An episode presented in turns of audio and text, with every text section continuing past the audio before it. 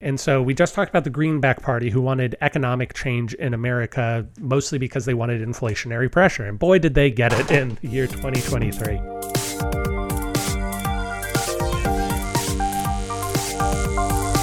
Well, I'm not a crook.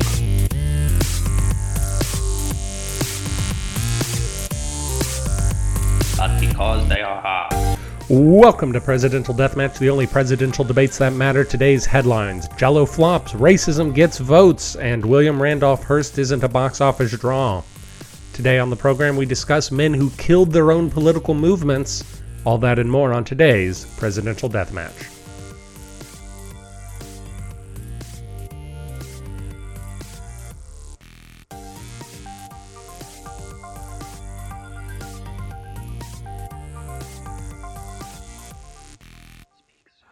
Okay, and uh, now we'll pick it back up. Dennis, uh, we of course uh, stopped recording last week. Indeed. We have not spoken to each other at all in the intervening seven days. It is definitely March 26th right now, Yes. and we're gonna pick we're gonna pick it back up with me talking about Charles O'Conor. Last week you talked about Victoria Woodhull. Any retractions from that? Yeah, I got it all wrong. She. Oh, Yeah, she never Shoot. lived in America. She's British. Okay. So we're gonna need to do another Victoria Woodhull special. Uh, then I'll kidding. come back next week. Yeah. I didn't get into any of her eugenics theories. We'll do that now, and I'll just splice it in. Because those uh, don't make her look as good. Uh, now let, let's do it. I think it's useful. Let's talk about Victoria Woodhull and eugenics. Uh, she promoted them. Uh, so, because there are a lot of different ways to look at eugenics. Presumably, she did, is it master race stuff, or is it the stupid shouldn't be able to have children? Uh, It's what in yeah. what way? So that's yeah. It's more that second one because it's again like it's still kind of pulling back to what her like women's right to choose sort of sort of central thing.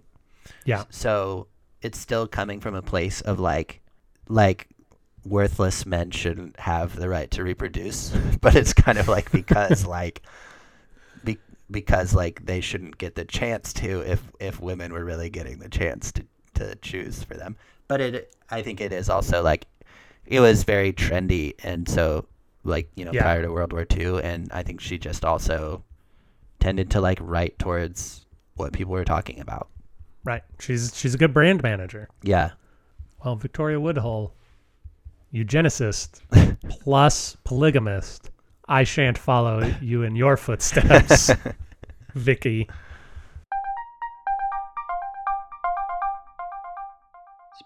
Okay, but I'm going to talk about Charles O'Conor. All right.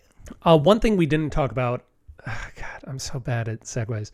One thing we didn't talk about is why there were so many candidates in 1872. And my two people, I'm going to talk about Charles O'Conor's in 1872, and the next guy, Peter Cooper, is in 1876. Gosh, I hope I said his name correct. Yep, got it, Peter Cooper. And I think part of the idea, Dennis, is that we had from 1840 to 1864, we had just one very solid problem, which was slavery. And almost every political conversation revolved around slavery. Adding new states, you had to worry about slavery. Dealing with new industries, you had to worry about slavery. Like it was just a thing that dominated everything that we were talking about. And then you had the Civil War, which obviously took people's minds uh, a lot. And then when you had the first 1868, the first election after the Civil War, there was so much fear of we don't know what's going to happen. Are we just going to revert back to what we were before this war? And so 1872 is the first semi peaceful election where we can actually start talking about ideas again. We can talk about equal rights for women or, or for black people. We can talk about economic policy, which the Greenbacks did. I'll talk about the Greenbacks a bit when I talk about Peter Cooper.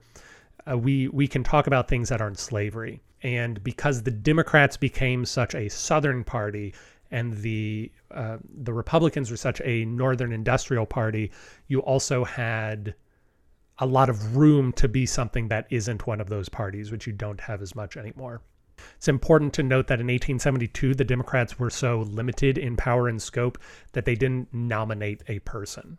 they they advocated Horace Greeley, but Horace Greeley was technically a member of the liberal Republicans, and the Democrats just said, "We want someone who isn't Ulysses Grant. Let's go with this guy because Right. we're not going to do." Charles O'Conor comes in, and he is a member, uh, sort of a forced member, of a group called the Straight Out Democrats, which are the Democrats from the South, who say no. We don't care how popular Grant is, even if the National Party doesn't want to nominate a person, we will nominate somebody because we don't want to vote for either of these northern fools, Ulysses S. Grant or Horace Greeley. Charles O'Conor himself was born in 1804 and he lived 80 years until 1884. Uh, his family came to America. His dad was a high ranking member of the failed Irish Rebellion of 1798. And he was such a high ranking member that when that revolution ended, he was going to be tried for treason. So his father got on a boat and came to America. And that's how. That's how the Wow. That's how the O'Conors came. Nope, I tried an Irish accent. I had it yesterday. Didn't have it today. it, Uh, uh, you had it for St. Patty's, oh yes. Um, but which was but nine days ago, actually. Yeah, nine days ago, because this is March 26th, as as we all know.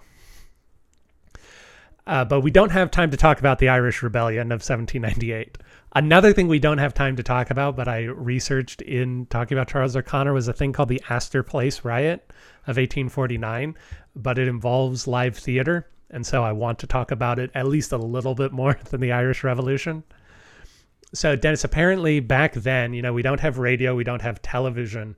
Theater is the main art form, the main entertainment art form. And it is sort of uh, people treat the theater like they treat Twitter nowadays, where they the audiences kind of felt they could just shout things out in the middle of the performances Right. Yeah. based on whatever it is they wanted to say. And so there was this riot that broke out that is ostensibly between the fans of an American actor, Edwin Forrest, and a British actor, William Macready, and which one of them was the better actor.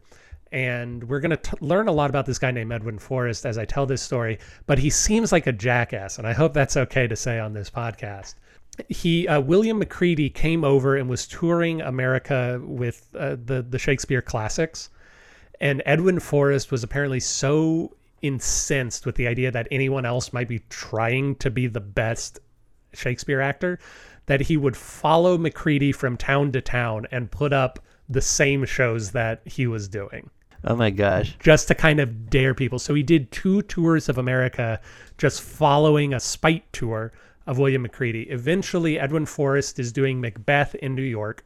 William Macready comes to America for the second time, is also going to do Macbeth. It does not appear as though in, either one of them did this intentionally in this particular case. I think they just both booked Macbeth. On the night in question uh, of the Astor Place riot, a bunch of Edwin Forrest supporters, fans, bought tickets to Macready's production and started yelling and throwing tomatoes at the stage and making a really big ruckus. Eventually, this causes the death of 30 people and leads to a militarization of the New York police, a problem we're still dealing with today the Ah. militarization of police. Oh, isn't Yeah. that lovely? So, Dennis, why am I talking about Edwin Forrest right now instead of Charles O'Conor, if you had to guess? He has more to do with how the party formed. What a great answer. In this case, no.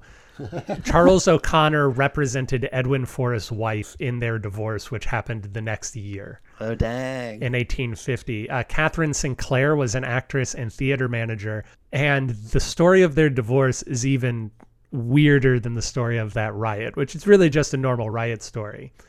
Uh, the divorce is kind of like. Did you follow any of the gossip around "Don't Worry, Darling" last year? A Um, little film bit. Yeah, it's that. Like apparently that that is what's happening. You've got Catherine Sinclair, she's an actress and manager. Edwin Forrest, he is the best quote unquote Shakespearean actor in America, obviously after John Wilkes Booth dies. Right, John. So Edwin has an affair with some other actress, Josephine something, and he wants to get a divorce from his wife, and so he forges a letter that is supposedly from another man to his wife. Uh, and and incidentally, whenever the histor real historians are telling this story, they just say things like he purportedly found because there is no direct evidence that he forged it. But based on everything that happens, I'm just going to say he forged this love letter. So he forged a love letter, which he then quote unquote found and said, "I'm going to divorce my wife because she's having an affair." And then uh, this just becomes the talk of the town. Everyone talking about how Edwin and Kathy are getting a divorce. And then there's this notable writer whose name is Nicholas, and he writes an op-ed saying that saying that Edwin is just upset because his wife is smarter than him. He said, "Yeah, you just want to get a divorce because you feel insignificant next to your wife because your wife is a much better actress and much smarter than you are, buddy." Oh dang. And so Edwin gets upset and he finds this writer in the middle of New York and starts beating him with a horsewhip, like the things Dang. that jockeys hit horses with. This poor man apparently had just recovered from tuberculosis, so he's not able to defend himself. oh no. And so he starts beating him with this horsewhip and then loudly yelling that he's the one who had an affair with Kathy. That clearly you're, you're just defending her because you want to have sex with her. Eventually, they get to their uh, their court case, and Edwin hires a whole bunch of fake witnesses to claim that the two of them were in a an affair together. Uh, and incidentally, the lawyer for Edwin Forrest is just take a guess. You're not going to get it right, but just Charles take a guess. O'Conor. Not Charles O'Conor, because remember, Charles O'Conor is uh, Kathy's lawyer. Edwin Forrest's lawyer is John Van Buren, who is Martin Van Buren's son. You might remember John Van Buren from a few weeks ago when he got in a fist fight with another Right. man during a trial case. So John Van Buren is representing Edwin uh, Edwin Forrest. He hires a bunch of fake witnesses to claim that these two people were having an affair. It doesn't work. They find uh, they find for Kathy Sinclair. She gets a very nice alimony payment. And uh, O'Conor, this is O'Conor's first giant case, and it's what gets him national attention Wow. But uh, but gossip's fun, no matter how old the gossip is. I think Charles O'Conor, before he gets majorly into politics, is also one of the lawyers against the Boss Tweed ring. So he's he's uh, an, one he's a New York lawyer and he's one of the anti-corruption New York lawyers. Also, incidentally, he's the first first Catholic nominee for president. Now, two weeks ago, we talked about how Gerrit Smith was an abolition advocate and he was one of the three men who paid for Jefferson Davis's bail. Remember that? Uh. No, that's fine. One of the guys we talked about last week uh, joined with three, two other men to help post bail for Jefferson Davis. Charles O'Conor is another of the three, and he defends Jefferson Davis uh, for treason. So he's the the the counsel for the defense. Oof. I kept wanting to say prosecution for the defense, which made no sense. Uh, unlike Gerrit Smith, though, Charles O'Conor was a states' rights Democrat who largely sympathized with the South's autonomy, if not their morals. So there's no evidence, extant evidence, that he was racist or pro slavery, but he was probably not someone who saw black people as his social equals. He was of the opinion that the South, uh, Southern states should have been able to set their own rules and his representation of Davis ultimately hurt his future political chances. So, what happens in 1872? The Democrats just kind of endorse Horace Greeley, even though he's not a Democrat. Then you have this group called the Straight Out Democrats who say that that is not what they want to do.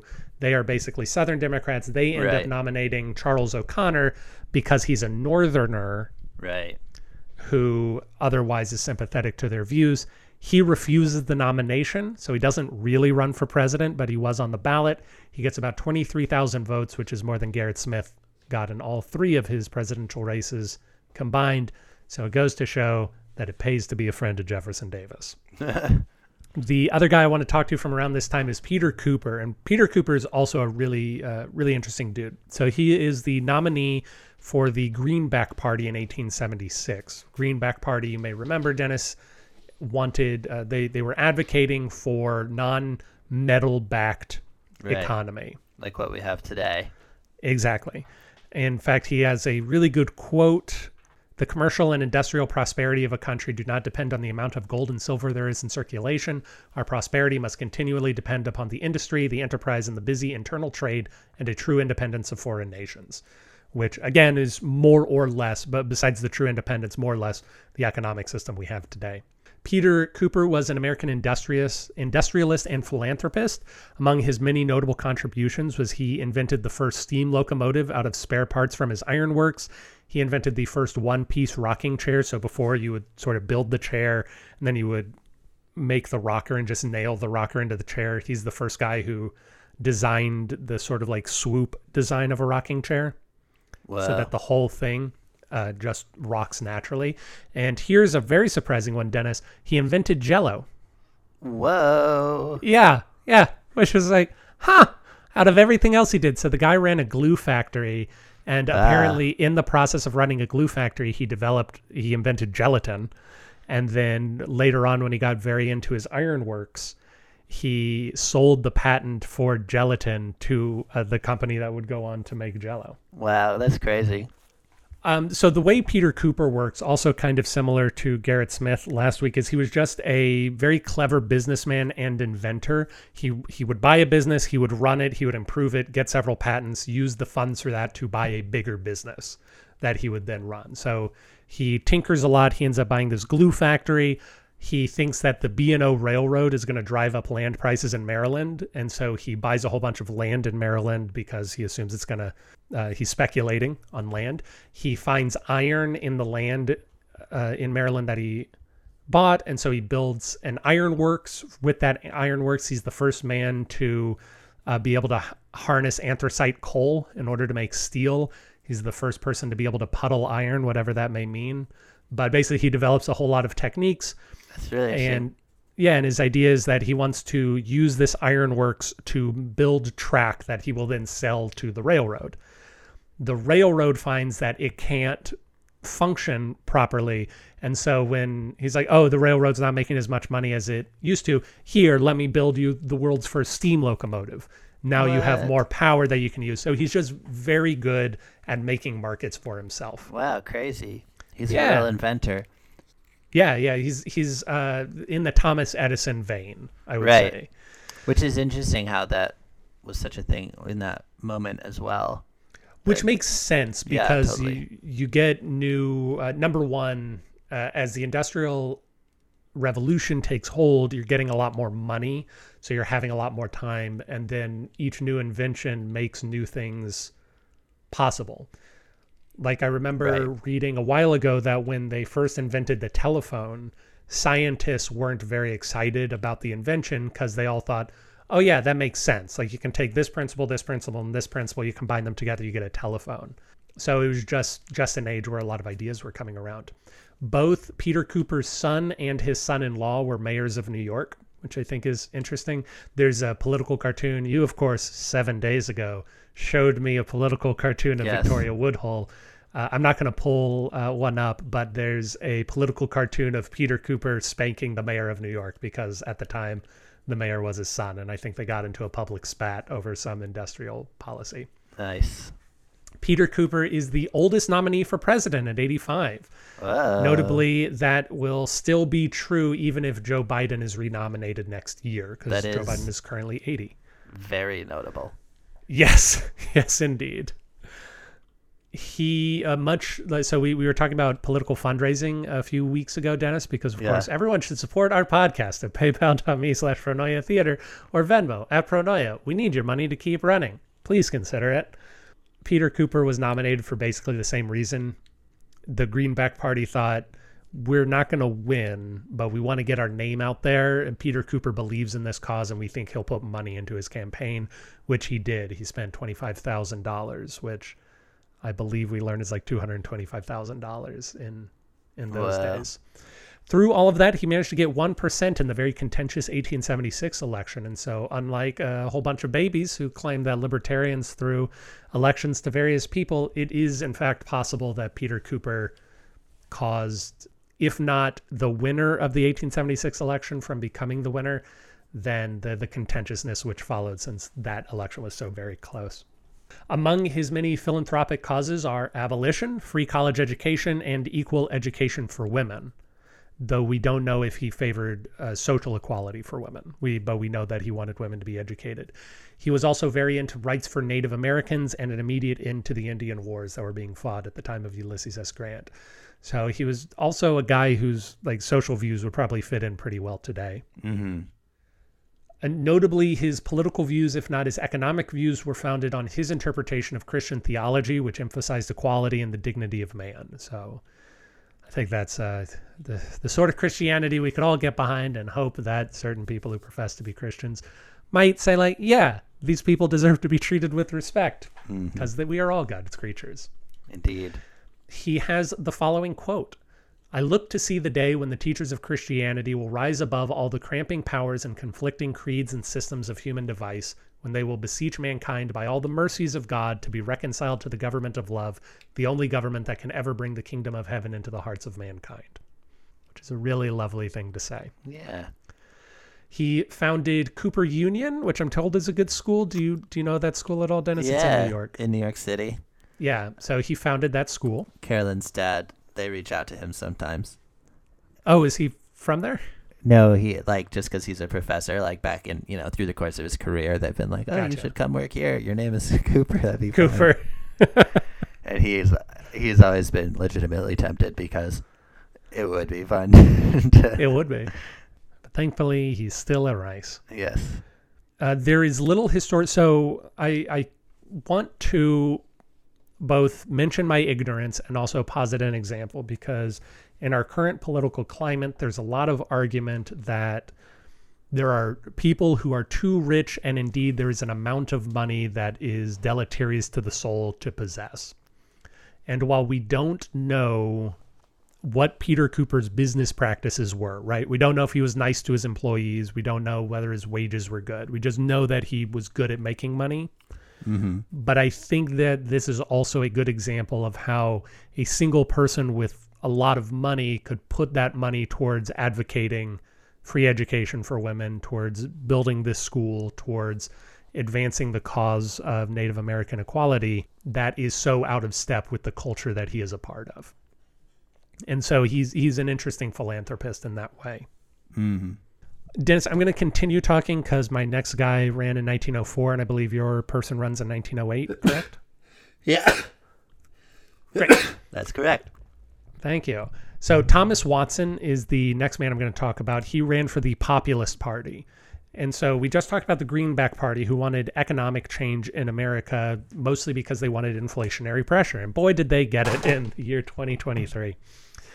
But the Populist Party is an outgrowth and sort of a embiggening, which is not a word, but I'm going to use it, an embiggening of the uh, economic system. What the populists want is a more agrarian friendly economy and they want general changes in the workforce uh, to, to benefit farmers. And Thomas Watson is going to end up being the third nominee for the Populist Party. The first nominee is James Black. The second nominee is William Jennings Bryan in collaboration with the Democratic ticket in 1896. And then Thomas Watson is going to run three times 1904, 08, and 12 before the party gets dissolved. Mm. So the uh, this is a direct paragraph from somewhere. I'm afraid I didn't write it down, but I thought it captured a good idea of why Thomas Watson ran. The People's Party advocated the public ownership of the railroad, steamship lines, and telephone and telegraph systems. It also supported the free and unlimited coinage of silver, the abolition of national banks, a system of graduated income tax, and the direct election of United States senators. As a populist, Watson tried to unite the agrarians across class lines, overcoming racial divides. He also supported the right of black men to vote. The failures of the populist attempt to make political progress through fusion tickets with the Democrats in 1896 and 1898 deeply affected Watson. So that's a good idea of like his political philosophy in a nutshell. And I want to say that because Watson, I think, as I said seven days ago, is the saddest political story I think I've read. Like I, I feel the most emotionally for this man. And so, Dennis, this is a quote from Thomas Watson in his first political campaign. The accident of color can make no difference in the interest of farmers, croppers, and laborers. You are kept apart so that you may be separately fleeced of your earnings. So, on the one hand, he's arguing for um, like a Marxist view of class struggle, but he's arguing against racism, right? He's saying it doesn't matter if you're white or black or whatever, you should band Right. together with people and fight. By the end of his uh, career, he is an avowed white supremacist Dang. Who is yeah constantly talking about um, toxic influence of black people in the South, and he says this of Frederick Douglass and uh, Grover Cleveland, with his white wife. Frederick Douglass's white wife, with his white wife leaning on one arm and a daughter who wore almost a black skin on the other. Here was social and the thing I was reading uh, deleted whatever expletive. So he swears here, but I don't know what he says. Here was social blank equality and miscegenation, both condoned and patronized by a Democratic president of the United States who was elected by Southern Democrats. So he, why, the, the question is, what do we think causes this steep decline in what we might call moral rectitude? And what I'm going to argue over the next, hopefully, three minutes, we'll see, uh, is that he is an ideologue who is beaten down by a broken system and he becomes deeply disillusioned by it. So he starts off as a young man full of hope, and then um, some bad things happen and he he just gets twisted up inside. Right.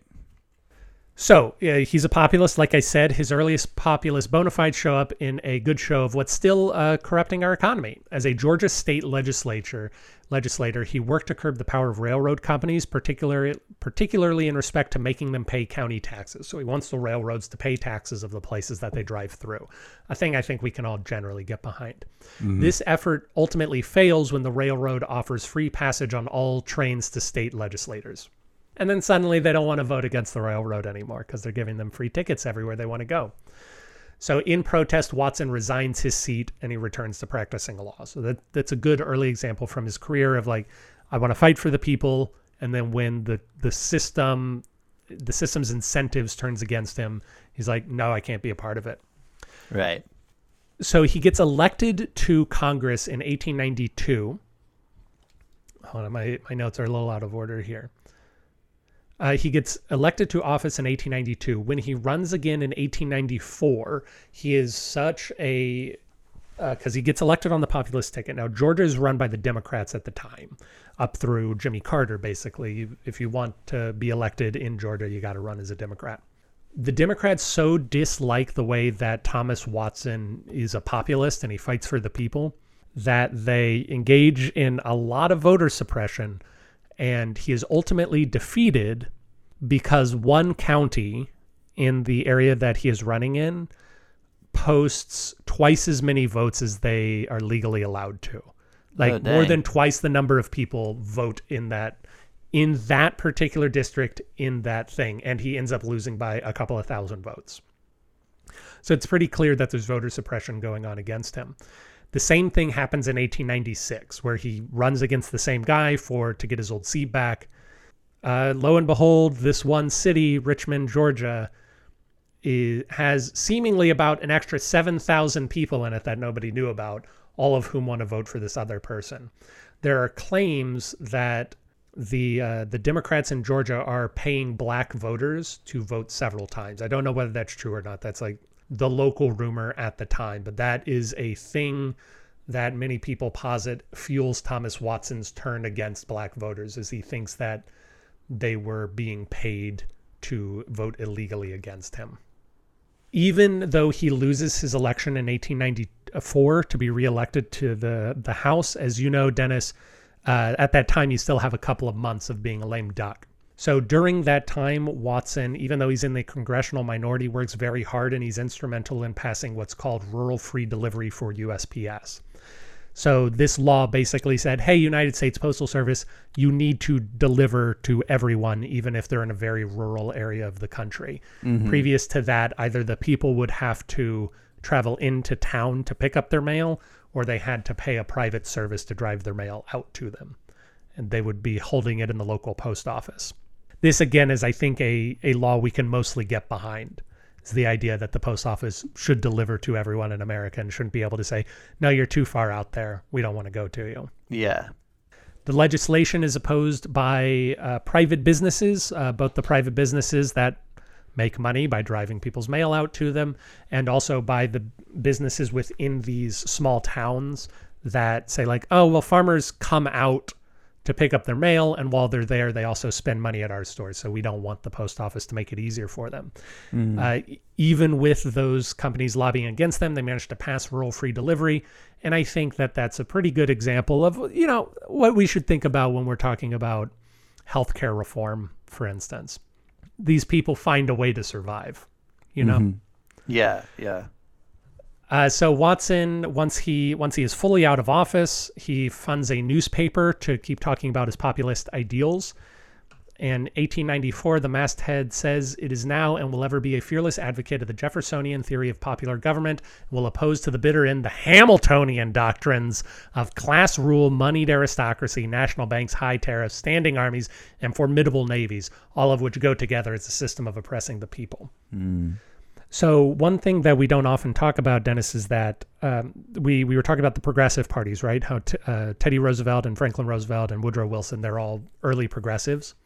The progressives and the populists get in a lot of fights with each other because there it is unclear. People will argue, historians still argue, whether the populists of the late 1800s are a conservative or a liberal party. Are they a party that wants to go back to early America, or are they a party that is seeing economic problems and wants to advocate for solutions to those problems? And you can see within that masthead that that tension there. He says, Right. "We are for Thomas Jefferson. We are not for Alexander Hamilton, men who died 70, 80, 90 years previous." Right. Yeah. So, in a conversation with a group of Georgians, Grover Cleveland, who was running for president in 1892, uh, remarks that he was almost as interested in Major Black's, that's Thomas Watson's opponent, Major Black's campaign in the 10th district of Georgia as he was as was his own, which also goes to show you how much the Democrats wanted to get rid of this guy named Thomas Watson. In 1896, the Populist Party wants to negotiate a fusion ticket again um, oh no, 1892 they didn't. In 1896 they want to negotiate a fusion ticket, which is how William Jennings Bryan gets nominated. And the original deal is that William Jennings Bryan will be the presidential nominee, and then the Democrats will elect Thomas Watson as the vice presidential candidate as a show of uh, peace offering to the populace for their Right. fusion ticket. They choose not to do this, and they end up nominating a banker from Maine, which I think is about the most insulting thing you can do against farmers in the South. Yeah. Uh, Thomas Watson ends up being a VP on several Southern state tickets, but not Northern state tickets. And he does manage to get some electoral votes for vice president during this. Ultimately, these cumulative losses in 1890, 92, 94, 96, 98, 1900, 1902 take their toll on the Populist Party and on Watson himself. And while he had previously been a fierce voice for inclusivity, particularly of black Americans, by 1904, he was a white supremacist. And in fact, he says he is the only man advocating for the white supremacist viewpoint in the 1904 election. He is also, perhaps unsurprisingly, an anti Semite. Yeah. Yeah. It's it makes me wonder if there's like parallels with how Victoria Woodhull like you can sort of at least what's suggested is like that maybe there's just the extent to which she understands that like that she needs to continue to like build a presence based on what can be popular and like Mhm. speak to what's being talked about and like and be the most popular voice it seems to have maybe driven her to completely 180 on her brand you know after the this court case and everything and you kind of wonder there's the same thing here to some extent where he just basically lost over and over and over again and then decides to just sort of like could like even like you said he literally said he's the only voice um, Yeah. And that maybe speaks too to him thinking that that was a you know like a a possible pocket that he can that he can through. finally get in. yeah It's interesting, and I wonder if also he just wants the votes. Um, Right. So, so yeah, so exactly what you said. Man, I, I had a I had a follow up to say to something you said, but it slipped out of my mind. it's a bummer that it's Yeah. that it seems like you can construct those narratives where people kind of just give up entirely on any anything other than it being a game they're playing. Yeah, and it's just sad because you can. I, I didn't read all of his quotes, but you can see him become upset that ideas aren't the thing that is carrying. Like by by the time you get to 1908, people start accusing him of dropping important ideas from the platform, and he basically just says nobody cares about ideas. Yeah. they yeah. they just want rhetoric. yeah. Ah, well, we've got one more man to talk about, Dennis. Yes Can we indeed. do it. Um so it's interesting so Thomas Hisgen Hisgen Hisgen. Hisgen Hisgen. Um, he was an oil man. Uh, He ran in 1908 with the Independence Party. So it's interesting. He uh, kind of like talking about Peter Cooper. His Hisgins dad was William Hisgen, and William Hisgen was an immigrant who basically spent like the like his all of his time trying to invent a new axle grease because he was he had learned chemistry and he had an idea about how he thought he could make it happen. And Yeah. he, spent all his time trying to make it happen and then he did in Oh, like the 18 late 1870s and patented it and then Thomas Hisgen with his three brothers like basically took that over and established the Ford Brothers Axle Grease Company in Albany in 1888 and that was kind of like where how he became wealthy so it's it's you can sort of see how it's all in the same period And yeah. then- you get an idea. You it's not dissimilar from tech startup culture either. Right. Yeah, totally. And then he's this next generation and to where where everyone's used to seeing in the very early 1900s and going into the 20s the extreme wealth that it built up by that point. So he's one of them and William Randolph Hearst is as well. The And, newspaper dude. The newspaper man. Um Ah, millionaire. So so William Randolph Hearst had started this party called the Municipal Ownership League. Basically, they're just like demo- like liberal Democrats, or actually like maybe conservative Democrats. Very carefully constructed party that William Randolph Hearst was using to try to fill a gap, basically where he thought he could use he could basically build a third party that filled a void somewhere between Democrat and Republican, and then he could fund it and and win. yeah. Um, and he was unsuccessful. He ran for mayor of New York uh, in 1905, and then it sort of that gave way to the Independence Party. So it's still basically the Wi- William Randolph Hearst. So um, in 1907, they that's they put up Hisgen in Massachusetts because he, he fits the brand and everything, and he comes in third for governor of Massachusetts. All right. Um, not bad. not bad, and yeah, he does very well. Um, so then they're like, okay, this is great. Time, let's put since he's clearly got whatever secret sauce, let's put him up for president and try to make it happen. That's how he ends up running in 1908.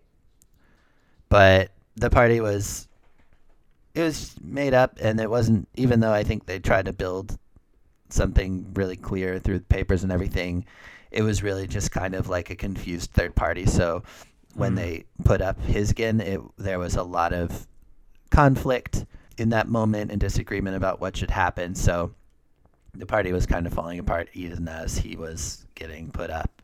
And then he runs and he does way worse than they were anticipating. And that's the end of the party. That's really sad.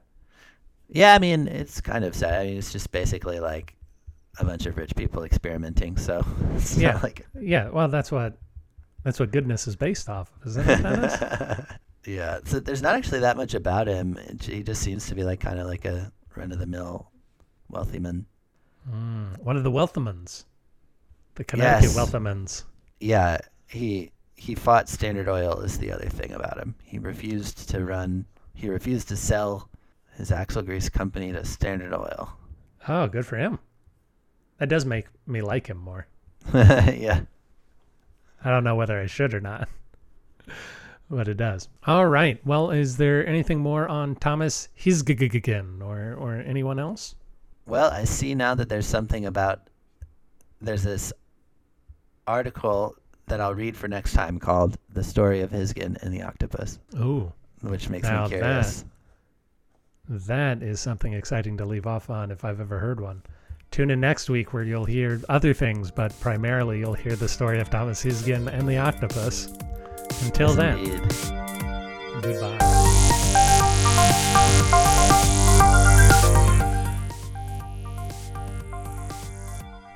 Thank you for listening to Presidential Deathmatch. Presidential Deathmatch is hosted by Aaron Garrett and Dennis Buddy and edited by Aaron Garrett. If you like the show, please consider giving us a review wherever it is. You can do that, we'd really appreciate it. If you didn't like listening to the show, well, why don't you come on back and give us another try? We really grow on you. If you want to reach out to us, you can do that at contact at pronoiatheater.com. You can also support the show in a variety of ways, including at pronoiatheater.com slash store. We hope you enjoyed it, and we hope to hear from you soon.